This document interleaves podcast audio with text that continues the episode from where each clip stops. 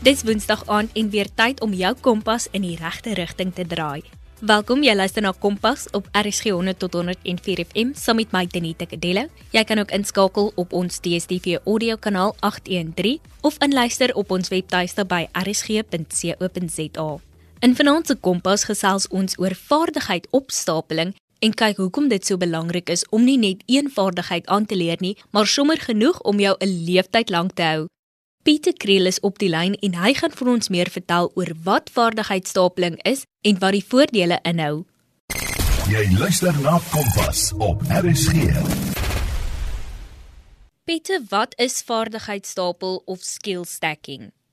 Wel die konsep van vaardigheidsstapeling is die idee om verskeie vaardighede te ontwikkel wat dikwels nie eers noodwendig met mekaar verband hou nie, maar mekaar toenemend aanvul in die wêreld van werk en waar werkgewers kritiese denkers en probleemoplossers benodig wat hulle self breedweg kan toepas.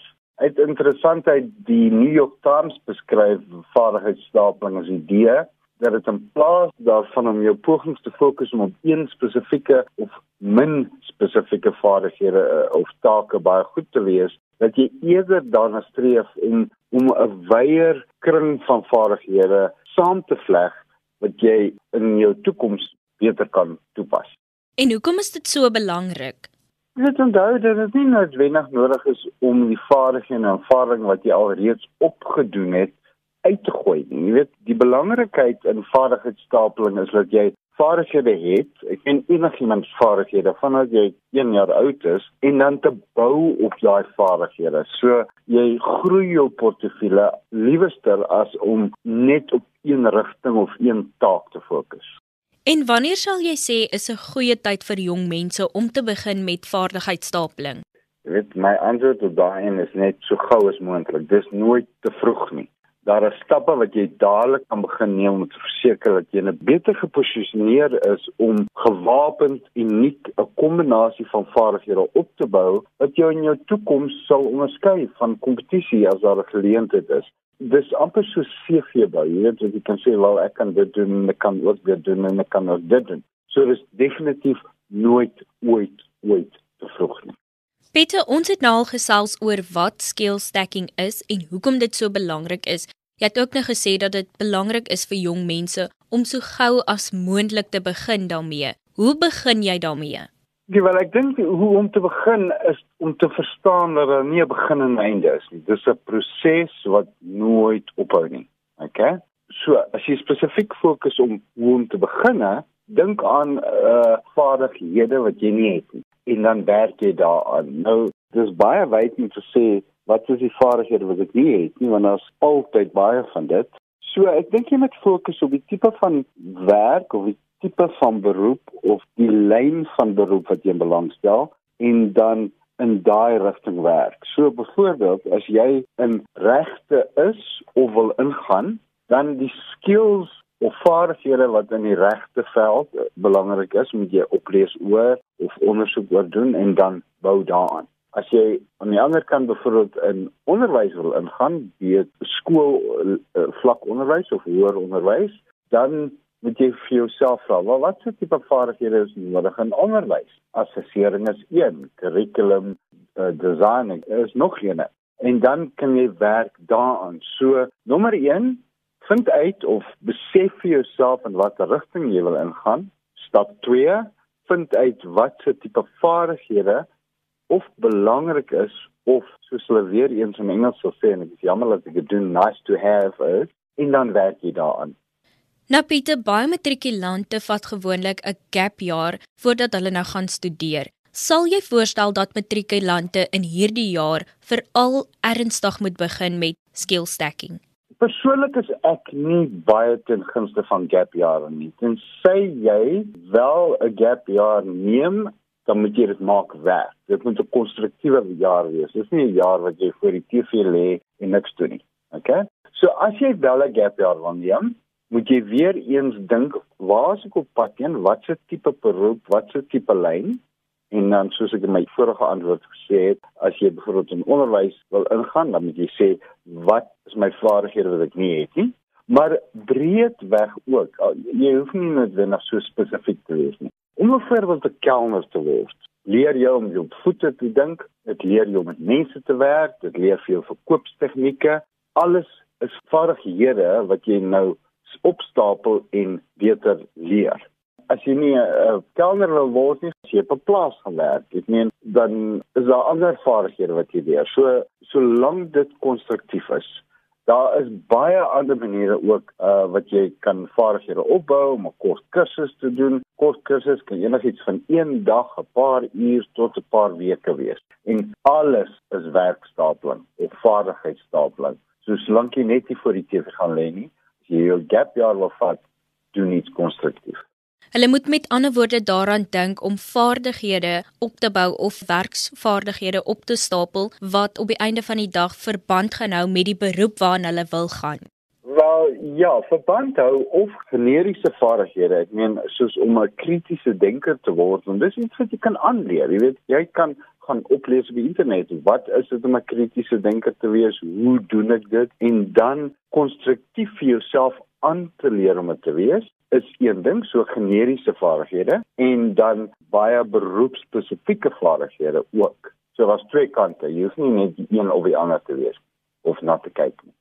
En hoe kan studentadviseurs help met vaardigheidsopstapeling?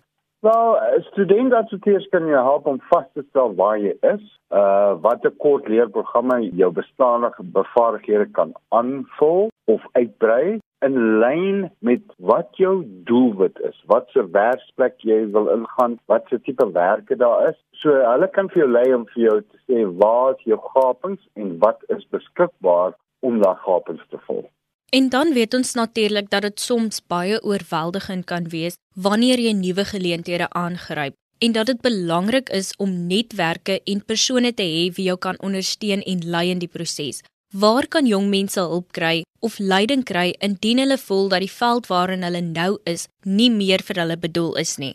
Wel, daar's verskillende maniere weer eens, maar 'n goeie manier om leiding in hierdie verband te kry is om kontak te maak met 'n gerespekteerde hoër onderwysinstelling en natuurlik dan met jou studentadviseur te praat oor jou posisie, maar dit hoef nie net studentadviseurs te wees nie. Jy weet jy kan ook kontak maak met persone hier in die werkplek vooraanstaande of aansienlike industrieleiers en met hulle kontak maak en sê wel dis wat ek wil ingaan, hoe kan jy my help?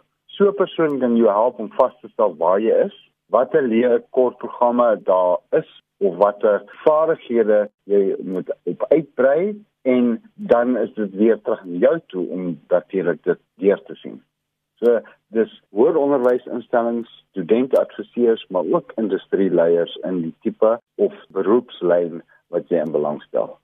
En dan Pieter, watter raad het jy vir jong mense met betrekking tot die tipe vaardighede wat hulle moet aanleer? Wel, daar's twee tipe vaardighede. Daar's sagte vaardighede en daar's harde vaardighede.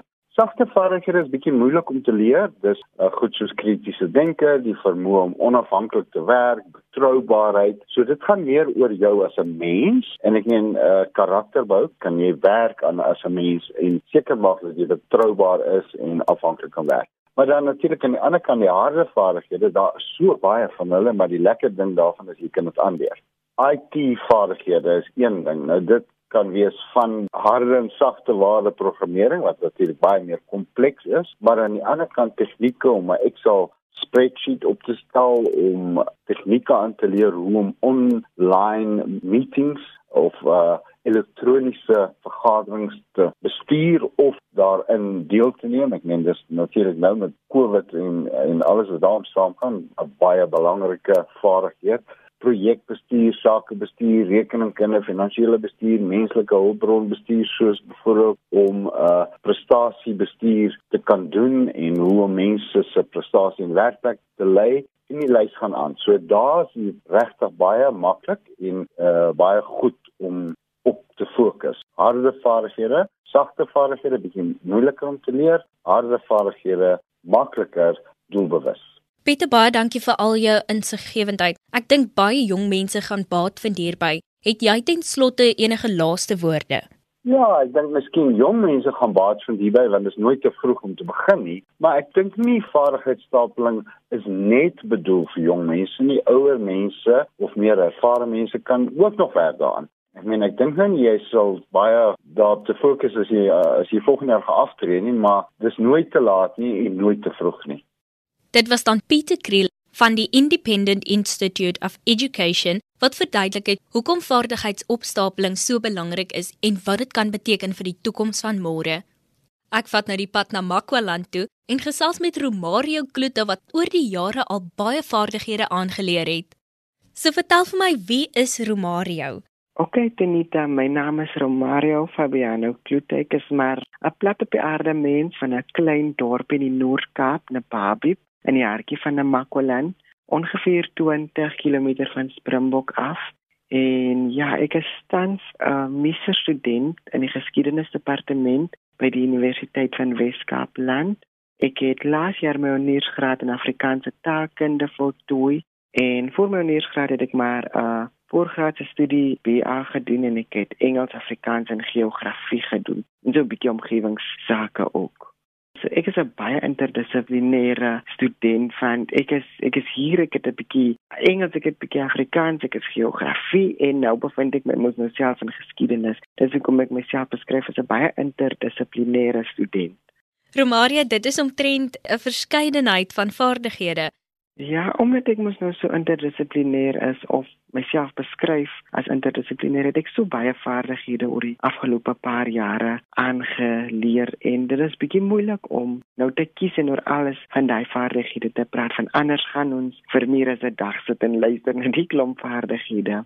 Maar van die vaardighede wat ek aangeleer het wat vir my besonder uitstaan, is die feit om krities te kan dink want ek weet voor ek Kaap toe getrek het van hierdie klein dorpie af en die stadslewe gewoon geraak het, het ek nie juis die vermoë gehad om krities te kan dink nie. Dis het universiteitslewe my baie blootgestel aan kritiese denkwyse. Deur die tekste wat ek gelees het, die geselskap wat ek gevoer het met medestudente en dosente en sodoende het ek mos nou my kritiese denke verbeter. En ek dink dit is belangrik om krities te kan dink in die samelewing waarin ons vandag is. So jy moet basies buitekant die boks kan dink. Dit is hoe ek kritiese denke sou beskryf. Want kritiese denke laat my toe om vrae te vra oor die dinge wat ek eintlik verstaan nie en oor dinge wat ek kan aanvaar nie. So kritiese denke maak vir my meer van 'n selfstandige mens, sal ek dit beskryf en dit is hoekom dit vir my so belangrik is dat ek oor hierdie vaardigheid moet praat. Tandro Mario, jy was ook deel van die debatvereniging. Um in 2017 het ek aangesluit by die IWK se Afrikaanse debatvereniging en daar het ek mos nou weer die vaardigheid geleer hoe om debat te voer en dit het verder bygedra tot die vermoë om krities te dink want 'n mens moet mos nou baie konkrete argumente saamstel. Jy moet jou op jou argumente kan uitbrei en jy moet ook mos nou bronne kan aanhaal oor hierdie argument. So op die einde van die dag het dit 'n subafdeling geword van kritiese denke. En dit het my baie gebaat in die sin is wanneer ek opstel en moet skryf, wanneer ek mondeling moet doen, dat dit my gehelp om net my struktuur van my argument aan te pas. En op die einde van die dag het dit ook bygedra tot hoe ek dink rondom sekere kwessies. So dis hoekom ek sê die Afrikaanse debatvereniging by IWK het regtig my vermoë om krities te dink verder gestimuleer sodat ek net op 'n baie meer ek weet nou nie hoe om te beskryf nie maar op 'n baie meer open-minded wyse te kan dink oor sekere kwessies en soos wat ek gesê het om buite die boks te kan dink. En dan het ek 'n voeltjie hoor vlei dat jy ook in fotografie belangstel. Dis vreemde kombinasies Romario, waar pas alles in? ek het in my matriekjaar, toe was ek um, betrokke by die redaksiespan. Ek was die redakteur van die skoolkoerant en daar het 'n man gekom en het gesê hy doen hierdie fotografie kursusse. Stel ek daarin belang nie. Um ek het was so skepties gewees want ek was nog besig met matriekeksamen en alles, die, maar ek dink toe ek vat die geleentheid. Ek gryp die geleentheid aan. Ek weet hoe ver dit my gaan bring. En 5 jaar later as ek 'n fotograaf, ek het 'n fotografie module gedoen by die Universiteit van Wes-Kaapland toe ek besig was met my honeurs in Afrikaans. Toe doen ek hierdie ekstra module in die geskiedenisdepartement en die module se naam is Visual History and Theory.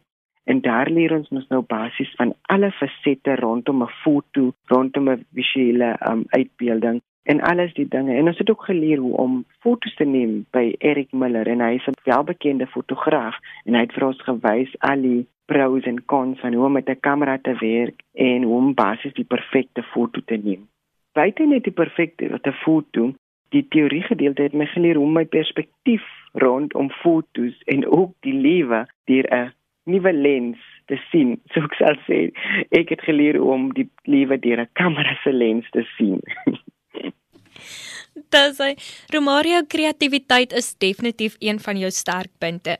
Maar ek sou graag wil weet, hoe dra al hierdie vaardighede wat jy nou al opgeleer het deur die jare, hoe dra dit by tot jou daaglikse lewe? Soos wat ek gesê het, 'n mens ontmoet so baie verskillende mense met verskillende agtergronde en die feit is dat ek so interdissiplinêr kon wees in my studies het my aangeraak as 'n persoon om die diversiteit van ons land en van die wêreld raak te sien. Sodat dit my baie gemaklik te maak om met enige iemand in geselskap te tree en om te reageer op, op wat hulle sê van ek voel as 'n mens so interdissiplinêr is dan kan jy met enige iemand oor die weg kom man So die feit dat ek al hierdie klomp vaardighede oor die jare aangeleer het, het net vir my, soos wat ek gesê het, 'n breër perspektief oor die lewe gegee. En ek dink dit is belangrik as jong mense in Suid-Afrika dat mense perspektief, 'n breër open-minded perspektief het oor dinge in ons land en oor ander mense sodat ons net mekaar beter kan verstaan op die einde van die dag. Ja, dit is soos jy sê Romario, ons is nie meer in 'n tyd waar daar 'n een rigtingstraat is nie. Ek dink ons beweeg in tye waar daar meer as een rigtingstrate is. Natuurlik. En en die feit is ons word so interdissiplinêr en divers en dit het my ook gehelp om myself te aanvaar vir wie wat ek is en te besef dat ek hoef nie te verander nie vir niemand of vir enige iemand nie want as net hulle se perspektief kan aanpas, dan sal hulle my ook kan verstaan, die manier hoe ek hulle kan verstaan. Nee, definitief. Ek stem 100% saam met jou en ons sien nou dat hoe meer vaardighede jy opbou, daar's baie voordele in dit. Romario, dan was dit natuurlik nou die inperking en COVID-19 wat ons almal onkant gevang het en ons nou nie al ons vaardighede kon gebruik het soos wat ons wil nie, maar dit het ook vir ons tyd gegee om nuwe vaardighede aan te leer. Wat het hierdie inperkingstyd vir jou geleer?